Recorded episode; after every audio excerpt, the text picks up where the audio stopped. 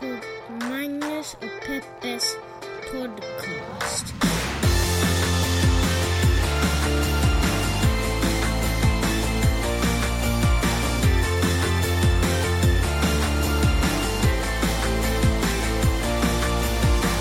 Hallå internet och hjärtligt välkomna. Hoppas att ni känner er till den här podcasten som heter Magnus och Peppes podcast. En liten podcast där vi pratar om stora och små händelser i världen och så gör vi det ur ett feministiskt, journalistiskt och mediegranskande perspektiv.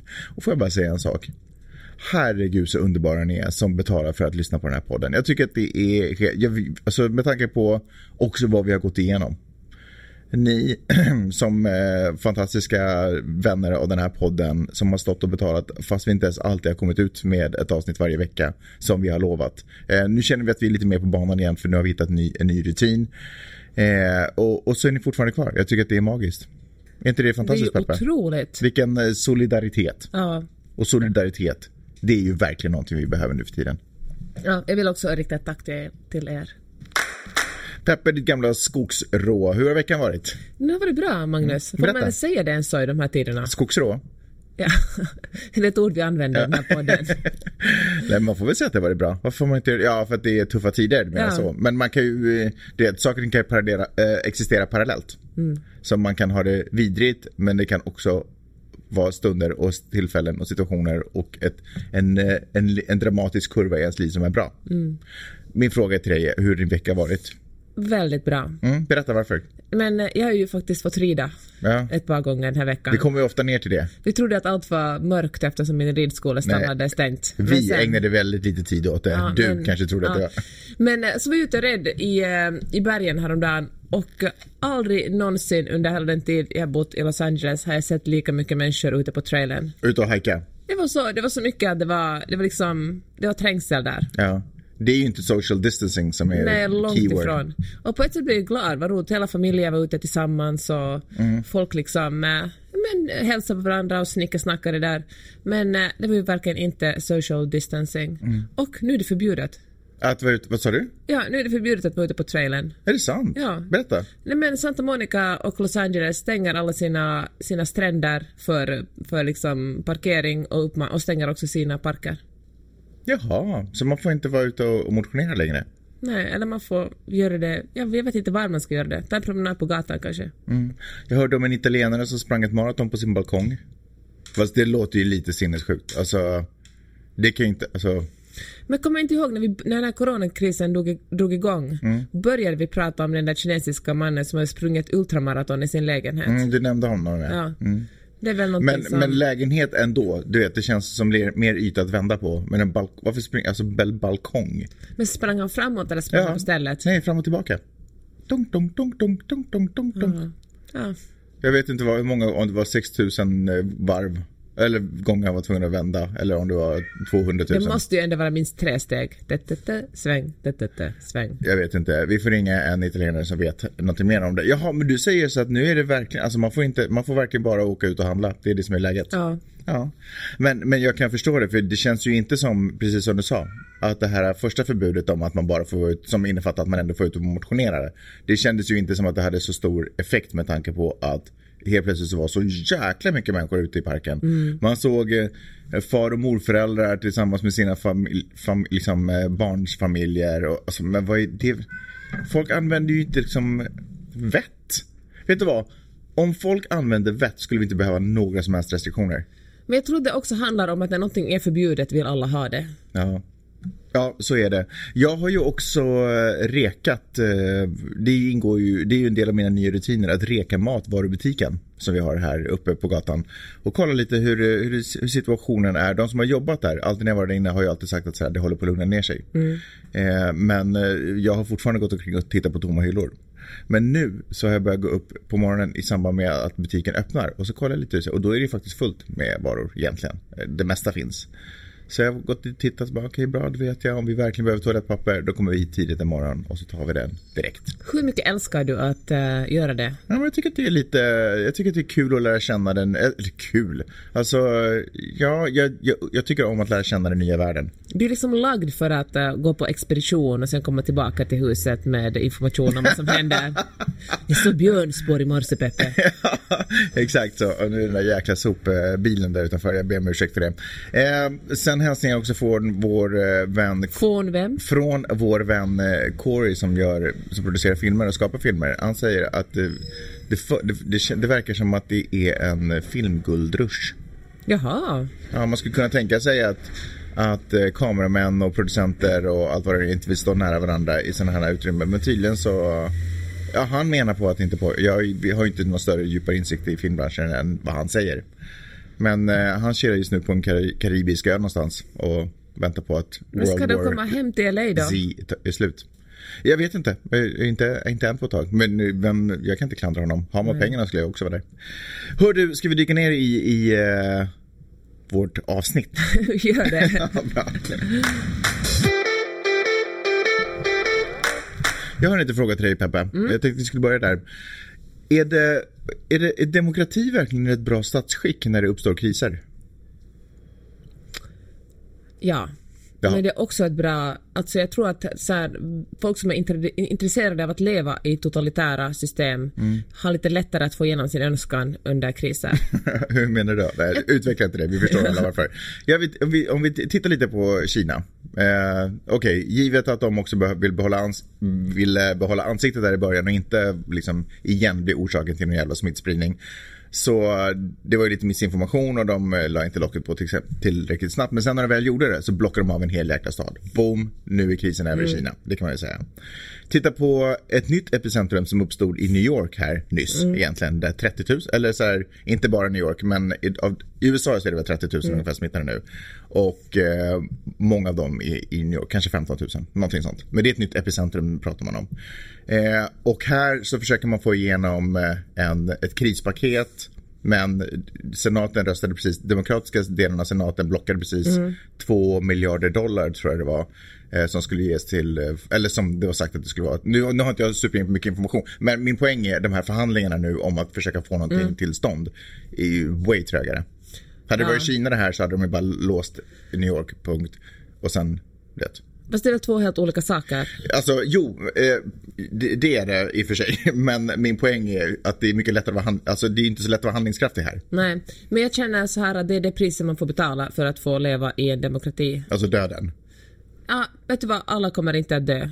Nu väljer jag inte vara en av de som säger sådär, eh, vi Men måste du tänka- kommer, du kommer och du kommer. Nej, men äh, folk dog i Kina också. Mm. Men jag känner att äh, det är viktigare att ha en demokrati och kanske det var ett dåligt stödpaket som krävs en diskussion idag och imorgon. Mm. Jag menar, det är ju ändå, man vill ju ha olika parter som diskuterar sig fram till den bästa möjliga lösningen Mm. och lita på de förtroendevalda man som sitter och bestämmer gör landets bästa, inte sitter där bara för att bråka med, med, liksom, med det andra partiet. Det finns ju ett land som svävar någonstans i mittemellan att vara en to- totalitär stat och en demokrati. Det vill säga, det gör... Sverige. Nej, det, ja, precis. det svävar i och för sig inte mitt emellan. Men officiellt så är det fortfarande demokrati. Men det betyder sig som en totalitär stat, nämligen Ryssland. Stat, nämligen Ryssland. Eh, hur, eh, och det, det har jag inte hört något. Jag vet inte ens om det finns en smitta där. Ja, men det är väl klart att det finns smitta där. Jag vet, men jag har inte liksom hört någonting om hur det ska hanteras. Ja men folk väljer också hamstra grejer i aff- mataffärerna där. Bovetet är slut där. Mhm. Och tydligen är bovete någonting som är liksom, det är ryssarnas comfort food. Ja, är sant? Att då vet man att då riggar saker och ting riktigt illa till. Bovetet är liksom vad för toalettpapper är för västvärlden. Ja men typ. Ja. Och eh, folk, eh, ja, men folk panikerar och vill fly. Alltså jag läste en intervju på Svenska Yle och där var den, hade de intervjuat liksom ryssar ute på gatan. Och eh, det var någon som ville åka till Bali för att om man verkar sitta i karantän så behöver man inte sitta och frysa rumpan av sig utan då kommer man åtminstone sitta och uh, ha det varmt och skönt. Bali för den rikssvenska är alltså Bali. Ja, sa jag Bali? Ja, du sa Bali. Ja. Det lät som någon, Jag tar ändå för en svenska barn- mitt början på en barnsång på något mycket. sätt. Tvärtom, jag har ju kompisar Bali, som Bali. igår flyttade hem efter två år på Bali. Mm. Som inte ville stanna där, så det är kanske inte bästa sätt, ställe att, att fly till eftersom sjukvården där verkar vara ganska krasslig. Men har du någon insikt i vad Putin gör för att stoppa smittan? Nej, det har jag faktiskt inte. Nej. Och det var det som är lite problemet med att leva i en stat som inte är demokratisk och absolut inte har fri press. Man kan inte riktigt, jag tänker att det måste finnas så otroligt mycket paranoia och osäkerhet där eftersom man inte kan lita riktigt på någon. Mm. Vår kollega, eller kollega, alltså min före detta kollega Anna-Lena Laurén som är korrespondent i, eh, i Ryssland, har bott där i, alltså hon är säkert bott där i, ja, i miljoner år. Ja. Hon åkte iväg, hon var sådär, jag tänker inte stanna här. Och hon är verkligen en, en person som inte drar sig från att rapportera från krigszoner och, och liksom väldigt äh, ja, men sketchiga ställen. Mm. Hon packade ner barnet och hundet, hunden i tåget och drog tillbaka till Finland. För hon Mm. sa att det är, inte ett, det är inte ett bra ställe att eh, befinna sig på om det blir kris. Nej. Intressant. Eh, men tillbaka till, eh, till frågan. Är det bättre att ha en totalitär stat eller en demokrati när krisen uppstår? Nej, Återigen, för det finns ju, man har ju helt andra kontrollmöjligheter att få saker och ting att hända. USA har ju också löst det på det sättet att blir det kris och krig så då blir ju presidenten ÖB. Inte kris, men när det blir krig så blir presidenten ÖB och då har ni beslutande makt eh, egentligen. Nu är, nu är inte det här en sån situation som, eh, som, som ger honom de befogenheterna. Men eh, vad sägs om den här kombinationen då? Vad om man istället skulle ha en landsfader som i ett demokratiskt system som för styr? det första, om vi nu ska gå in på den banan kunde det lika bra vara en landsmoder. Eh, fair enough. Det här var inte en genustitel utan det här var bara en... Ja, men sådär, så jobbar patriarkatet. Ja, det är väl sant. Har du, nej, men, nej men jag känner så här, vad fan är det för skillnad med en landsförälder? Jo, men någon som alla... Okej, så här. Det här känner jag lite kanske till exempel i... Eller det som många länder i väst har haft problem med när det kommer till att liksom få folk att göra saker och ting är att folk bara inte gör vad myndigheterna säger. Därför det finns inget förtroende för att mynd... Eller vi har ju lärt oss att leva där vi i ett, samhälle och en situation där vi vet bäst och där vi har kontroll och myndigheterna ska ha så lite makt över våra liv som möjligt. Vi blir irriterade när de vill höja våra skatter och när de ska börja bygga vägar för oss för jag vill bestämma vilka vägar som ska byggas och var jag vill åka någonstans ungefär. Eh, och, och så. Men- Och, och det här gör ju att sen när det uppstår en sån här situation så då har myndigheterna lika lite makt att tala om för oss att nu är det bra om ni håller er hemma utan allting går på egna initiativ egentligen. Och det var ett problem i Italien var det ett otroligt problem och granted att det kanske är ett mer socialt folk än vad man till exempel är uppe i Norden. Men det har också varit problem i, i Norden att få folk att göra vad de vill eller få folk att göra så som myndigheterna vill och, och också här i USA. Jag tänker speciellt i Finland har man ju väldigt högt, väldigt högt förtroende för myndigheterna så jag tänker att Finland hör till de länder som det kanske är det minsta problemet. Att jag säger inte att det är noll problem att folk kanske busar ändå och går ut men liksom det och Sverige har man också ganska högt förtroende. I och för sig är man kanske högljuddare med att ifrågasätta myndigheter. Men, äh, men Italien det är ju ett otroligt korrupt land. Alltså både Finland och Sverige och de nordiska länderna Men det är väl... inte befolkningen som är korrupt. Nej, jag menar det. Därför man har ett lågt förtroende Ja, ja, för precis. sina Mm, förtroendevalda. Så det förstår jag att ju mer korruption, desto mer, ju mer lurad man känner sig av de som sitter och leder, desto mindre förtroende har man för dem och desto mer känner man att de får fixa det här själv. Mm. Men jag undrar just om eh, om, om det skulle fungera bättre med en, i en totalitär stat. Om du menar så med våld, att man åker omkring med pansarvagnar och skjuter folk som går ut ur Nej, men I sina en hus. totalitär stat är folk åtminstone vana att göra det som myndigheterna säger. För de, med granted att historiskt har det visat sig att det får konsekvenser om man inte gör det. Ja, så man ska som hota folk till lydnad under en sån här kris. Nej men det är ju mycket lättare om man nu är en, om man har folkets intresse i sitt eget, eller jag menar folkets välmående i sitt eget intresse. Så är det ju ett effektivt sätt att få folk att hållas Men friska. kan du nämna en enda totalitär ledare som har folkets bästa som sitt största intresse? Nej det kan jag inte för jag känner dem inte någon av dem. Men skitsamma. Alltså jag förstår hur du an- tänker. Anledningen till att jag tar upp det här är egentligen för att eh, många av de här ledarna i västvärlden som representerar demokratier har ju hållit tal till nationen. Mm. Eh, Trump gör ju förstås det, men det är ju en amerikansk grej. Men också Stefan Löfven i, igår, eller var det, ja igår var det han höll ett tal till, förresten, så har någon i Finland hållit tal till nationen? ja, Sanna Marin har väl hållit där. Fast jag vet att jag tycker man måste skilja på det här, skilja på tal till nationen för att eh, Trump, Fast det är en oj, landsfader, det är ju ledar... Trump håller väl presskonferenser? Ja, men han har också i, i, i, i samband med corona hållit ett tal till Jaha, där han har berättat om att nu eh, vill vi att, nu vill ni att ni ska göra det här och det här och det här och det här. För här kritiseras hans snack säger man ju det snarare eftersom man inte kan hålla sina valmöten med Nej. en jättemassa människor så flyttar de istället till liksom Pressrummen. Precis och, och kör på där. Sant. Okej, Men, förlåt. så här, men här är ju liksom tal till nationen och pressgrejer som så, det är ju en del av det amerikanska systemet. Liksom. Men i Sverige är det inte supervanligt att eh, en statsminister till exempel håller ett tal, Nej. quote on quote, ett tal till nationen. Förra gången det hände var när eh, Anna Lind blev mördad. Är det så länge sedan? Ja. Och dessförinnan så hade typ Carl Bildt varit tvungen att göra, läste jag i, i Svenska Dagbladet, så hade Carl Bildt varit tvungen att göra det eh, när laserbanden var ute och härjade. Så det är verkligen inte ofta, det typ max var tionde år. Verkligen super, super, super max var tionde år. Anna Lind dog på 90-talet förresten.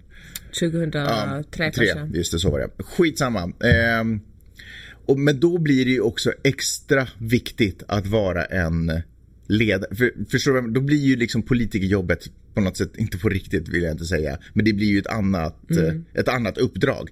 Som politiker i ett fungerande, i, i lugna tider så är det ju att liksom disponera pengar och hur, hur ska vi göra det här bra och vad måste vi göra avkall på för att det ska bli bättre där och hur löser vi den här situationen, bla bla bla bla bla. Men i sådana här situationer när man håller ett tal så då är det ju inte liksom, då är det inte siffror och fakta utan då är det liksom en lugnande, en lugnande, ett lugnande budskap och en tydlighet och, och få folk att känna förtroende för att det myndigheterna gör är de rätta, de rätta movesen. Eh, Och då är det ju superviktigt att man har rätt person på rätt plats. Och där, fine, det är ju inte en totalitär på något sätt. Men det är ju nog en person som ska ha tyngd och pondus som ska göra de här talen. Eh, Först får jag Ja. säga en grej. Det är, ju, det är ju en jättestor skillnad där. För en totalitär stat tvingas folk Ja, till lydnad. En, det som du kallar en landsförälder är ju någonting som, som ska inge så mycket lugn och förtroende hos medborgarna så de frivilligt vill lyssna på myndigheterna. Men det, om vi säger så här, jag tror att dit jag vill komma, eller sagt dit jag vill komma är, vi ska naturligtvis inte ha en totalitär stat, det ska vi, stat ska vi inte ha. Men jag tror att det i framtiden kommer, för i Sverige har vi till exempel inte personval. Men jag tror att det är svan, fram, framtiden, framtiden kommer vara tvungen att titta lite på vem som blir huvudperson här, alltså huvudledare. Men som är liksom har chansen eller risken att bli statsminister. Ja, för den personen kommer också vara tvungen att leda landet när det uppstår en kris. Att allting är hanky-dory när det är lugnt, men det är när det är kris som vi behöver vårt politiska system. Liksom. Fast det är farligt för att, är det är inte alls farligt men det är så här, jag såg en presskonferens med, eh, med Donald Trump och Mike Pence och han, Falucci, den här, deras statsepidemiolog Ja. och ett annat, eh, några andra gubbar. Och eh, då pratade Trump om eh, om det ekonomiska och eh, i USA och han, han sa saker som jag verkligen ville höra. Han bara, det är lugnt, vi har allt under kontroll, det här är ett vackert land, vi, kom, det kommer liksom, det kommer att, vi kommer att blomstra ännu mer efter det här. Det här är ingenting att oroa sig för. Och det var verkligen, och då fattar jag att är man liksom en Trump-supporter, är man, sitter man hemma och är osäker, det vill man ju höra, det här är inget, det är ingen fara på färde, USA fixar det här. Han, eh, men jag menar bara att som, som ledare måste man ju också, måste inge lugn, man måste ju också tala sanning. Ja, men alltså, eller man måste ju inge förtroende. Ja. Alltså om man har ljugit hundra gånger tidigare så då går det ju inte att vara övertygande i en sån här situation. Så man måste ju alltid ha hållit sig till sanningen. Så att det finns ett förtroende för den här personen. Och jag måste ändå säga, när jag läste, för jag såg aldrig talet, men när jag läste Stefan Löfvens tal som finns också på Svenska Dagbladet att läsa. Eh, att han nog, eh, alltså han, han är nog ganska duktig på det där ändå faktiskt. Eh, och han lyfter ju fram betydelsen av att följa myndigheternas råd. Och jag tror att det faktiskt är otroligt viktigt att man eh, tar till sig det och att man liksom släpper sin egen liksom, tro på sin egen förmåga att ha stenkoll på vad det är som pågår och litar på att det finns, att vi, åtminstone i Norden, har byggt upp ett fantastiskt system som är testat, eh, liksom, som är beprövat och som är, som är finlirat och polerat i kanterna och också efter den här krisen, när den här krisen har blåst över så kommer man använda den informationen och den kunskapen till att fila på det här systemet ännu mer. Men att det liksom finns ganska välfungerande organ eh, som, eh, som har en plan. Liksom. Och den planen kanske inte alltid redovisas i varenda steg till alla i alla ögonblick. Men det, är liksom, det finns en plan och det finns... Och det är klart att det kan bli liksom fel på vägen. Men det kommer absolut bli fel om alla bara springer efter eget huvud och gör sin, fattar sina egna beslut. Det måste liksom vara under ordnade former. Och jag tror att det här är det priset man också betalar i ett samhälle där vi har en demokrati, där vi kan välja själva. Det här är priset vi betalar för allting vi har byggt upp, är att vi måste sluta upp oss. Sluta oss upp. Sluta upp oss. Sluta upp. Sluta upp. Eh, bakom samhällets eh, struktur. På något sätt, förstår du vad jag menar? Jag känner en sån... Frivilligt. Ja, ja, men jag håller med dig. Jag tycker att Sverige har skött, skött det här otroligt bra. I och för sig Finland också. Finland gjorde så här, de stängde skolorna. Sen ändrade de sig och sa så här att nej, småbarn, småbarnen får gå till skolan. Vi öppnar skolan för de som går i lågstadie. Eller ettan till trean i lågstadie. Alltså jag kände att mitt hjärta bultade lite extra för Finland då. Att i en kris också vara, ta, ta dagen som den kommer. Vara så här, det här testar vi, det här var inte ett bra beslut. Vi backar och fattar ett bättre beslut. Och det tycker jag Sverige också har gjort. Kanske inte backa så mycket men ändå hållit, hållit sig lugn. Vara så att okej, resten av Europa, resten av världen stänger sina skolor. Vi ser ännu inte en orsak till att göra det. Vi ser inte att det är det bästa beslutet för just vårt land just nu. Så vi håller på det fortfarande. Kanske det blir aktuellt senare, men nu kör vi så här. För jag tänker att med eh, är det så lätt att göra exakt som alla andra gör trots att alla länder befinner sig i olika faser och har olika förutsättningar och så vidare. Det är, ja men det, det får varken både Sverige och Finland en stor respekt Ja. hos mig just nu. Eh, för jag tänker att, för det här är ju en av funktionerna också bakom eh, demokrati. Eller rätt sagt, det här är ju en av de bra saker som vi har kunnat bygga upp med demokrati. Att vi har just kunnat bygga upp våra eh, säkerhetssystem på, på det här sättet. Och om vi liksom inte följer det som vi har byggt upp, då har vi liksom lite slösat bort poängen, en av poängerna med demokratin. Och då skulle vi vara mycket bättre, better off, med att leva i en totalitär stat, nä- nästan. Förstår du vad jag menar? Ja. Inte kanske, ja, Ja, men för vårt eget bästa i en sån här jag. situation, och ja, för vårt eget bästa. Om inte liksom vi är villiga att lyssna på folk som Ja, är, re- är redo att leda oss när vi behöver det och tror att vi vet bättre själv, då lever vi i princip i en anarki. Mm. Och för att vi ska överleva skulle vi egentligen då behöva en, en diktatur Mm. nästan. Eh, jag tror att det var lite det som var min poäng. Svenska Dagbladet har haft en reportageserie om svenska familjer som tar sig eh, filippinska nannies, nej au pairer. Och eh, betalar dem mycket mindre än det som rekommenderas och, eller på gränsen. Det alltså, man Alltså re- slavlön typ. Ja men, men knappt det liksom. Den minimilönen som en au pair ska ha är, är 3500 kronor i månaden. Va?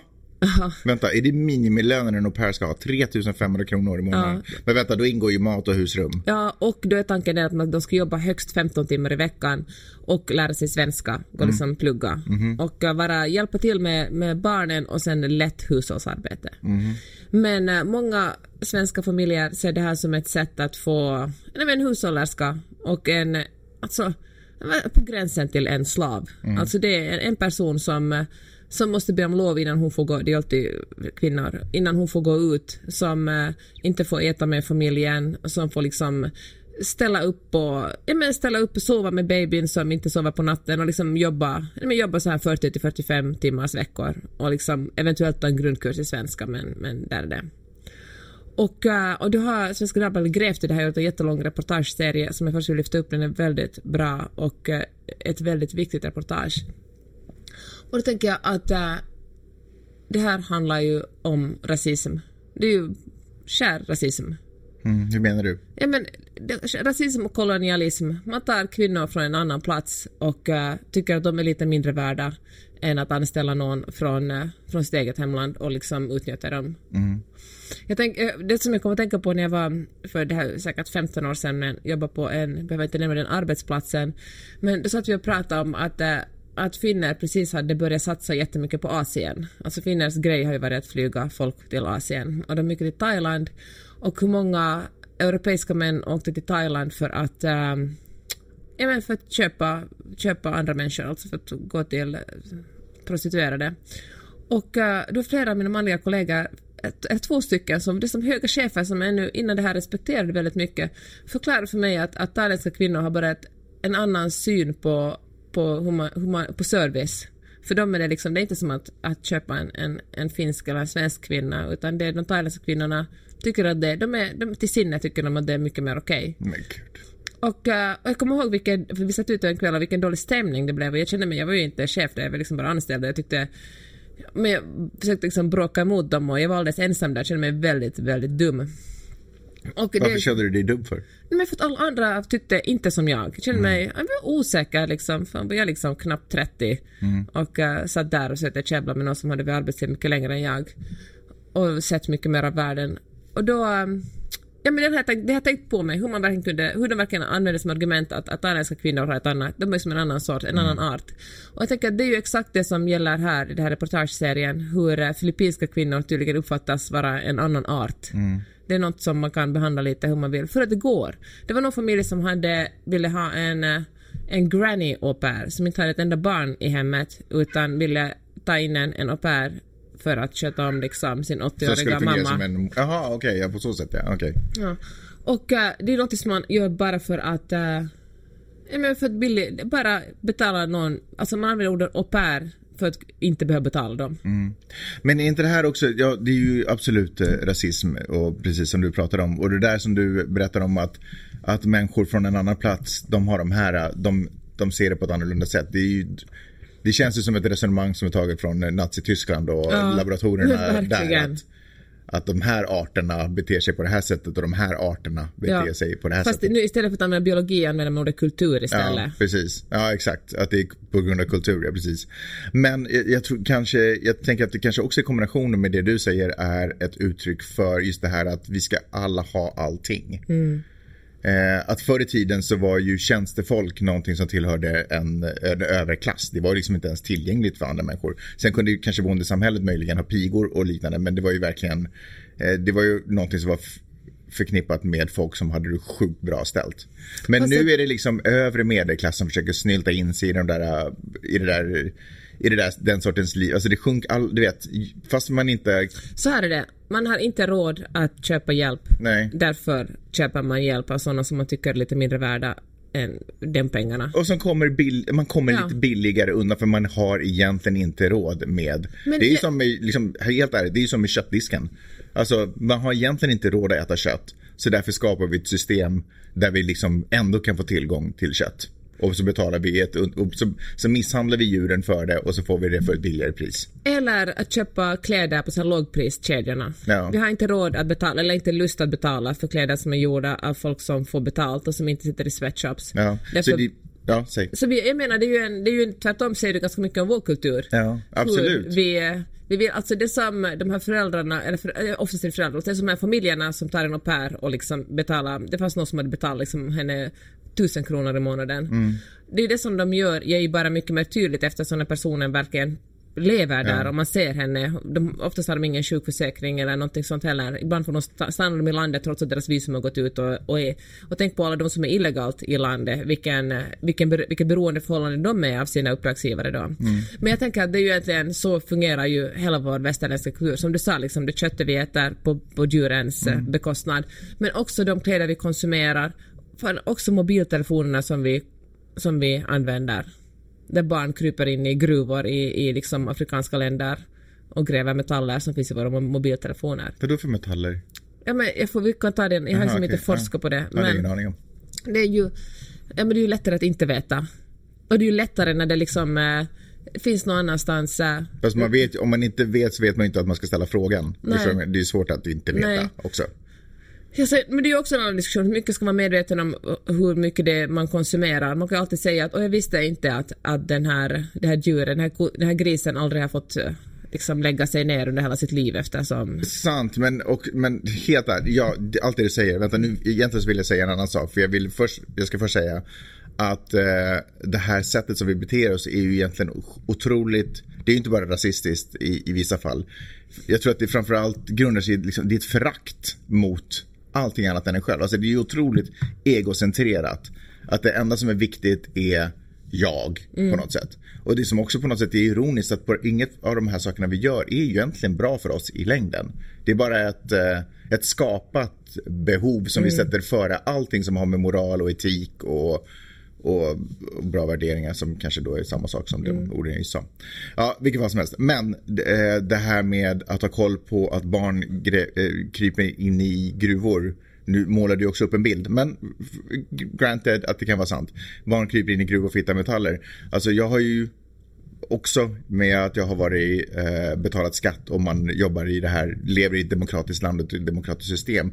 Vi, så en del av den här strukturen är ju att jag vill att andra ska ha koll på saker åt mig. Därför att om jag ska hela tiden gå kring koll på allting annat som alla andra människor gör i alla steg och i alla skeden så kommer jag inte hinna göra någonting själv. Alltså jag måste mm. ju också lita på Alltså om jag får reda på att någon har fuckat upp så blir jag ju inte glad och då vill jag att den personen ska bytas ut mot någon annan som kan göra ett bättre jobb. Men att jag inte visste att barn kryper ner i gruvor för att hitta metaller till mina telefoner. Det kan ju liksom inte bara, det kan ju, ja det är ju på mig för jag är ytterst ansvarig för vad jag har i min ficka förstås. Men, men jag hade ett säkerhetssystem som har fallerat. Mm. Liksom. Ja, men jag, hör slack. jag förstår vad du menar. Jag förstår vad du menar.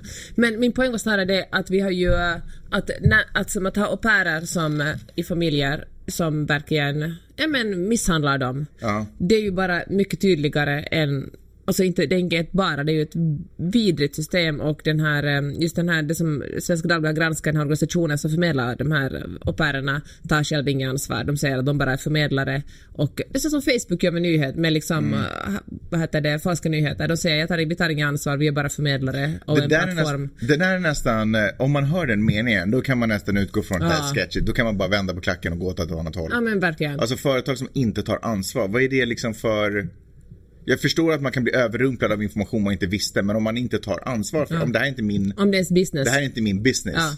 Men i alla fall, det är sådär, men det är så att jag bara jobbar här, jag tänker ja. inte. Hur som helst, men i alla fall, jag menar det är att de här uh, filippinska kvinnorna som blir utnyttjade, det är ju bara, det är något som vi ser för det är väldigt nära oss. Eller nu ser vi det eftersom Svenska Dagbladet har ett reportage om det. Men som jag sa så, så är det ju, alltså fan, vi är ju, hela vår kultur baserar sig på kolonialism och att utnyttja andra människor.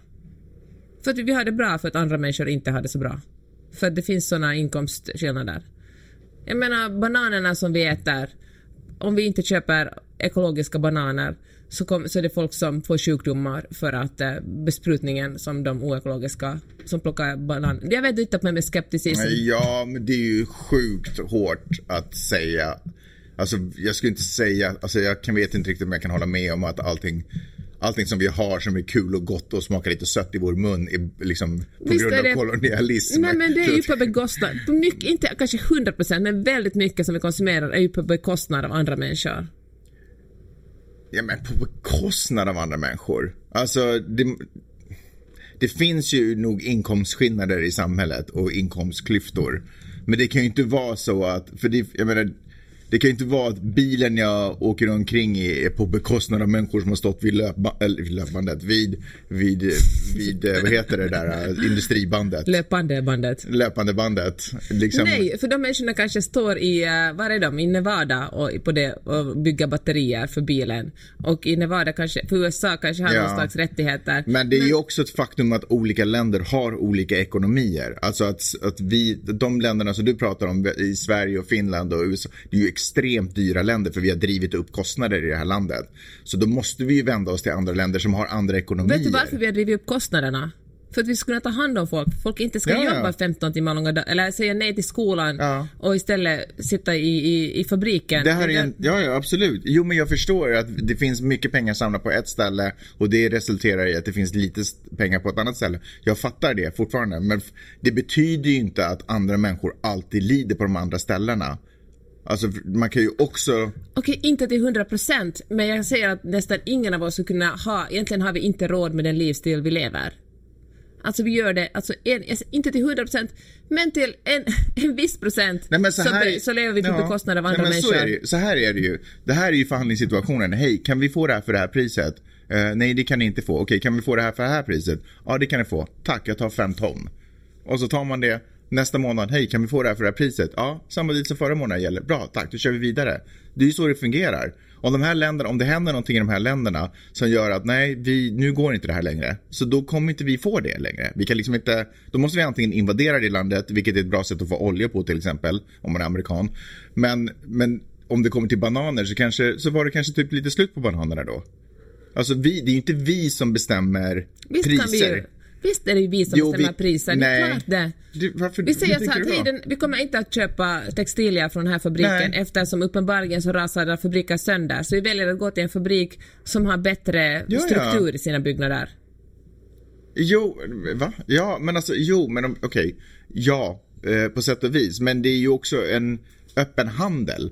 handel är inte bara negativt, handel är också bra för det Nej, genererar verkligen. också pengar till de som behöver de här pengarna.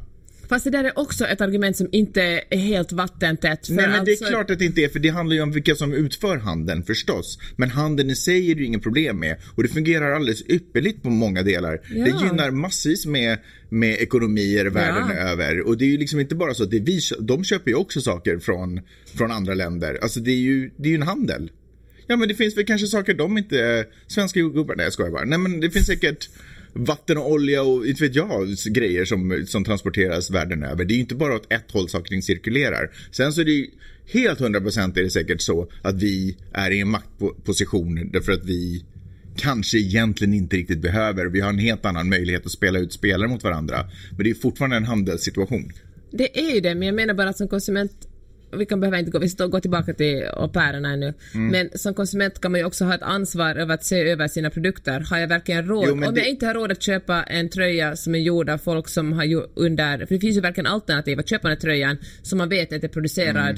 under, till exempel vår gemensamma, eller nej det är min vän Cecilia som gör, eh, som gör, sista som gör skor. Hon producerar sina skor i, eh, i Portugal, åker ner dit och hälsar på i fabriken och ser att eh, alla, får, alla får en bra lön och eh, det är inga vidriga för, arbetsförhållanden. Mm. Ja, då kanske man väljer ett par sådana skor istället för att välja ett par skor som kommer från mer, eh, som kommer från sweatshops. Ja, alltså 100% grundtanken är det vi, eller grundfrågan är det vi pratar om är att vi köper vi har saker vi egentligen inte borde ha råd med. Men vi har sett till att vi ska ha dem för vi är jävla, vi är sjukt girigt Ja. och egocentriskt och föraktande folkslag liksom. Okej, men du som vet allt. Kan du, Nej, men kan du förklara hur de här eh, svenska familjerna tänker som har en... Eh, alltså, vi har ju såna i eh, bekantas bekanta i vår, eller vänners bekanta i vår vänskapskrets också som har utnyttjat filippinska au pairer. Ja. Alltså... Um... nej, jag, vet- alltså, jag vet inte hur det fungerar. Alltså... Sen, För jag tänker, de måste men kolla. för sig själva på Ja. något sätt. De är ju inte sådär... Men sen är vi ju inte alla liksom eh, små härskare som vill på vårt lilla sätt dominera världen utan vi sitter ju också i en situation där vi bara är i våra liv. Och, och vår bild av våra liv är oftast att vi har sjukt mycket att göra, vi är superstressade. Vi vill inte att världen ska, att det ska liksom vara Folk ska lida på jorden men fan jag, har, jag måste verkligen ha den här grejen nu för att jag är verkligen supersliten. Jag är hemskt ledsen att det blev så här men jag måste typ ha det här för att bara liksom vad jag uppfattar är vad jag behöver för att liksom överleva. Vi är också liksom vi är ju inslut, inkapslade i, våra, i vår egen bild av vilka liv vi lever. Eh, så jag tror inte att, nödvändigtvis att det alltid bara handlar om att ja, vi tar, vi tar någon uh, mörkhyad person, det blir bra. Eller vi försöker ge dem så lite pengar som möjligt, det blir superbra Nej. för oss. Liksom, det blir en bra deal. Liksom. Utan jag tror att vi bara så uppslukar i våra egna liv att vi liksom lite glömmer bort alla andra. Att andra människor också har liv. Ja, och ibland när vi blir stressade då gör vi till och med aktiva bara prioriteringar. Det vill säga det är jag och min familj, punkt.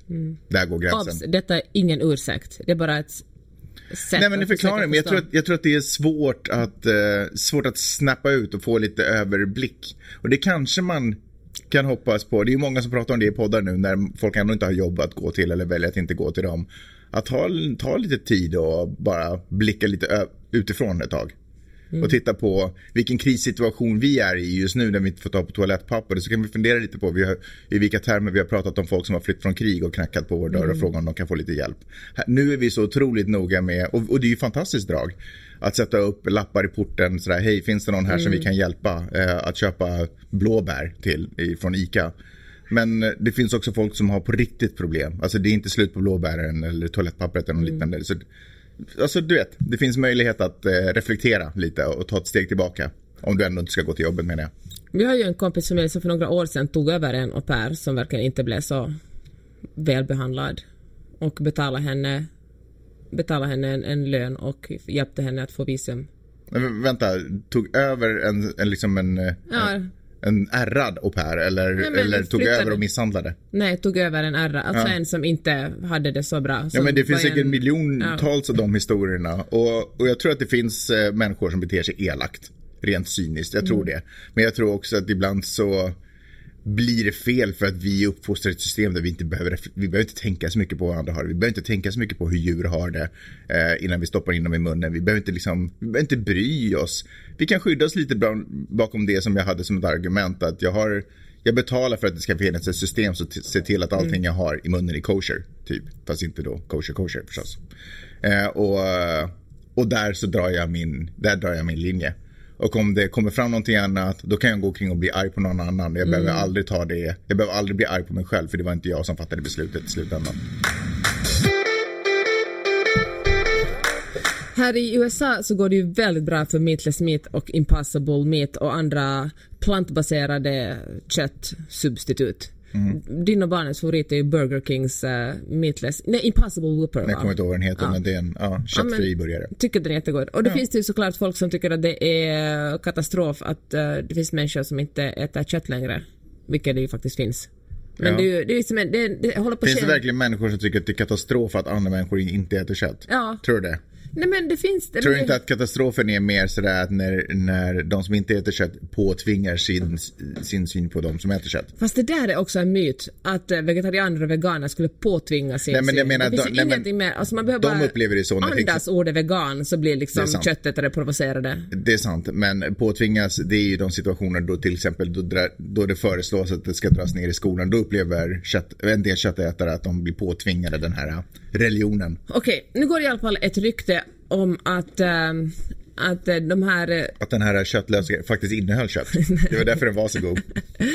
Nej, utan det här plantbaserade köttet, att det innehåller jättemycket soja. Och Aha. att soja innehåller östrogen. Ja, just det. Har du hört det? Eh, jag har hört att soja innehåller östrogen. Det stämmer gång, inte. En gång så var det en dude i, bakom mig i kaffekön som skulle ha en kaffe med soja. Eller nej, nej, nej, han ville inte ha mjölk så de frågade vad de hade. Då sa de soja och då sa han sådär, åh nej, jag vill inte ha bröst. Bra att du tog upp det, för den här diskussionen kommer att handla om bröst. Ja. På män. Okej. Okay. För det finns en... en Man boobs. Man boobs, exakt. Ja. Det finns en veterinär i South Dakota, en lantbruksveterinär som heter, nu ska jag se vad han heter, James Strangle. Han skrev en... Oj, det Ja, ett, ett, namn. Var ett hårt namn va? Jag tror att man bara kan heta det om man bor i South Dakota. Man får bara heta det i fängelse. Ja. Han... Ähm, heter han det eller kallas han för det? Han heter det... Nej, han heter Stangle. Förlåt, jag sa fel. Det var jag, det var jag som gjorde en freudiansk grej för att han verkar så skrämmande. Hur som helst, han är, han är 30 år gammal och han skrev i den lokala branschtidningen Tri-State Livestock News Oj. i december 2019, alltså ganska nyligen, så skrev han att, äh, att låt oss hoppas att Impossible Whopper blir en flopp eftersom en Impossible Whopper innehåller 18 miljoner gånger mer östrogen än en vanlig Whopper. Okej. Okay. Och äh, detta är alltså... Så det finns östrogen i en vanlig Whopper? ja, nej. Sen folk snabbt, liksom, det spreds eftersom vi har internet nu för tiden, mm. så spreds den här insändaren väldigt mycket. Mm. Och uh, så var det forskare som kollade upp det och det visade sig att det finns inte någon östrogen överhuvudtaget i soja. Mm. Det finns visserligen ämnen som påminner lite om östrogen. Vad är det för ämnen då? Nu minns jag faktiskt inte vad de heter, men det mm. finns sånt som liknar lite östrogen. Men så det finns inget bevis på att uh, de, att de uh, ger män, män bröst eller liksom, det är inget kvinnligt könshormon. Som om män inte går omkring med bröst ändå. Men vänta, Var får de det ifrån då? Men jag kommer till det. För att uh, det värsta som finns en vit man i, en vit västerländsk man är ju att någonting kvinnligt. Ja. Alltså eller att, bli associerad någonting kvinnligt liksom. Ja. Det är ju, det är ju Ja men det är så skrämmande. Och då, då liksom... Kan jag också bara få säga att alla människor har östrogen och testosteron mm. i sig redan. Det är men, men och då, liksom, då har det blivit ett argument det här att uh, impossible meat, det är någonting som har soja i sig. Soja betyder östrogen, östrogen betyder bröst. Äter jag mm. det här kommer jag att få bröst. Och en menscykel. Ja men, men främst bröst då. Ja. Och, eh, och därför äter folk extra mycket kött. Men det som visar sig att den här... Den här ja. för det är liksom, det, men det är också för att kött associeras till någonting som är manligt. manligt. Ja, alltså Joe Rogan och liksom eh, Jordan Peterson, sån här som ultramanliga män, de lever ju på köttdiet. Ursäkta, Joe Rogan lever inte på en köttdiet. Han har faktiskt gått över till vegetarisk diet. Ja, det var så nyligen, för den här artikeln i The Atlantic står det att han äter en, en eh, köttdiet. Och Jordan Peterson, han är till och med, han och hans dotter till och med skrivit en bok om hur det är att uh, bara leva på kött. I alla fall, visade det sig att de som hade gått över till en vegansk diet fick, eh, hade en lägre risk för att få diabetes, hade bättre blodvärden och liksom det är helt enkelt hälsosammare att inte äta jättemycket kött. Kollar du upp nu om Joe Rogan är vegan eller Ja, inte? det. Okej, ska vi... Här står det så här, här är det bara rubriken och jag vet man ska aldrig bara läsa rubriker men Arnold Schwarzenegger proud of Joe Rogan for vegan episode. Aha. Var, var, ja, var läser du den här? Den här är det någon ny? Titta, nu gör du ingen, du gjorde ingen källkritik överhuvudtaget. Det är liksom någon random... Men eh, jag tror att det kommer stå om Joe Rogans matvanor i New York Times. Alltså men- jag fattar, fattar jag att jag måste läsa. ett tips? Kanske du söker på något sånt här, sök på nyheter och sök inte liksom bara på några men allmänna ni- diskussioner. Det är, inget, det är inget nyhetsmedia i världen ska- som bryr sig om vad han Men käkar. vad, då skulle du kanske inte ta den, då skulle du Men kanske ta den informationen du hittar med en nypa salt i så Man måste ju fall. ta det från skvallerpress det här förstås, fattar Ja. väl? Okej, skäms Magnus. Strunt samma. Kanske han har blivit vegan sen den här artikeln publicerades, men den är en ny artikel. Duger plantbasednews.org. Ja, exakt. Strunt samma. Vi kan återkomma till den här diskussionen om han är det eller inte och forska i det. Ja.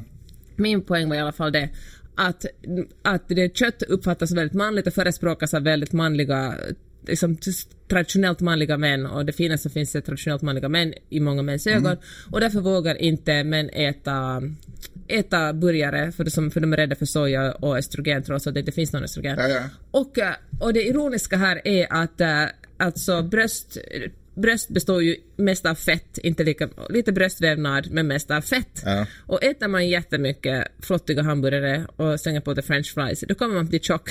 Och då kommer man att få bröst. Så alltså om man är jätterädd för bröst, Kan jag också få lägga in om man inte också tränar? ja.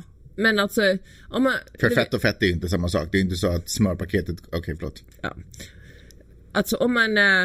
ja, men om, man om man bara väljer att inte äta veganskt för att man är rädd för att få bröst, men äter jättemycket köttbaserat, så då kommer man... Då är risken större om, att man får bröst. Fett bröst. Okej. Jag tycker det var en... en eh, men hur livet är ironiskt liksom. Ja. Hur man går omkring och är rädd för saker som verkligen det inte finns någon orsak att vara rädd för. Men det finns ju verkligen jättemånga män som har man boobs. Så man Ja. vill ju, det skulle ju vara ett kul sätt att bara göra en liten empirisk studie och kolla, är du vegetarian eller är du inte vegetarian? ja, alltså man eller, eller är du bara tjock? Vilket är inga, jag vill inte shamea någons manboobs. Det, det är okej att vara tjock också. Absolut, varför pratar vi ens om man boobs? För att hela den här texten handlar om mäns rädsla för manboobs. För, eller för att bli kvinnliga. Ja, eller framförallt manboobs. Och dessutom så är det ju eh, allmänt känt, eh, läste jag i en skvallerbraskan, jag skojar bara. Nej men allmänt känt att ju äldre män blir, desto lägre blir testosteron. Alltså män har ju massa olika sorters, eller människor har massa olika sorters hormoner. Men de som man oftast pratar om är ju testosteron och östrogen. Manligt och kvinnligt tycker man ungefär. Fast vi är egentligen bara en kombination av olika grader av de här eh, två hormonerna. Och eh, ju äldre man blir, desto lägre tenderar ju testosteronhalten att bli i män. Därför blir det till exempel kanske svårare att få upp den. Eller sådana saker. Få erektion. Ja. Du behöver inte snacka om. Du kan, säga den. det, du kan säga det som det är. Men dör inte, en människor dör inte heller, de går vidare Ja, till de sälla jaktmarkerna. Eh, och eh, i förhållande till det så höjs östrogennivån. Och därför har ni tänkt på att många äldre män blir lite som små mormödrar. Mm. De blir mjukare i temperamentet, de blir mycket liksom eh, och, och liksom får lite rundare former. Det är ju allmänt känt. Så det här är ju också en naturlig, alltså spelar ingen roll vad du äter. Det här är den vägen vi män kommer vandra. Titta på mig så lugn och fin jag har blivit. Mot det hetsiga. Du är nog ganska hetsig fortfarande. Hör du... Ehm, och det var inte en komplimang. Hör du, ehm, får jag bara säga för, Trots att jag äter ganska veganskt. för att rätt ska vara rätt. Så här Ja. står det. Så här, eh, man testar de här liksom, uh, sojaburgarna och så här. Till exempel publicerade Journal of Food Science i november 2019 en studie som jämförde analyser av mjölkrisburgare och tofu. Forskarna rapporterade att en tofuburgare hade 70 750 gånger högre inom citationstecken östrogenisk aktivitet, alltså de här, den här, eh, det som man misstog för östrogen men som inte var exakt östrogen. Men eh, men det här påverkar liksom inte män eller kvinnor på något sätt liksom som ett kvinnligt könshormon har utan det gjorde bara folk, eh, ja men fick lägre blodsocker och färre symptom på inflammation i kroppen. Så det var liksom egentligen bara otroligt vänligt, vänligt. Vänligt sinnat hormon. Ja. Inte där aggressiva Nej, men jag tänkte nästa gång du står i kön på Primo Passo och någon är rädd för, för sojamjölk, då kan du berätta det här. Det kommer bara att ge dig, soja är bra för dig. Det kommer att ge dig lä- lägre blodsocker och eh, mindre risk för diabetes. Och, Det man inte har sagt är ju att, eh, okej, även i värsta fall om man skulle få någon form av överkonsumtion av östrogen och att äta soja. så uh, borde folk också veta att om man dricker komjölk så får man spenar.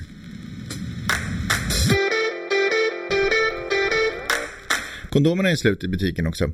Jaha. Mm, du, vet ju vad gör, du vet ju vad folk pysslar med när de måste vara hemma. Ja men alltså de städar sina klädskåp. Jajamensan, så är det. Man förutspår ju en, eh, en boom babyboom av detta. Gör man verkligen det? Okej, okay, jag har sett lite... Vet du vad jag tror? Nej. Jag tror att det kommer att komma en skilsmässoboom när folk är tvungna mm -hmm. att tillbringa ja, men det är väl... menar, dygnets alla timmar tillsammans. Det är väl den ena vägen eller den andra vägen man går. Ja. Antingen så skiljer man sig för att man klättrar på väggen för man inte van att umgås med sin partner. På så sätt är ju du och jag ganska väl förberedda för den här boomen. ja. ja, vi äter exakt samma saker varje kväll så vi har alltid råvaror hemma. Och vi umgås liksom 28 timmar per dygn. Ja, det verkligen inte skett minsta lilla förändring i Nej. vårt vardagsliv. Nej, du är ute och rider som ingenting skulle ha hänt. Och jag, Ja men hästarna måste motioneras. och jag gör ingenting på dagarna. Ska ett djurplågeri att inte göra det? Ja, så är det. Eh, men oavsett. Så ja, jag antar att antingen så klöser man ögonen ur varandra eller så. Knullar man. Eller så, nej men, vad, kom igen nu, det kan ju vara barn som lyssnar på det här. Eller så förökar man sig.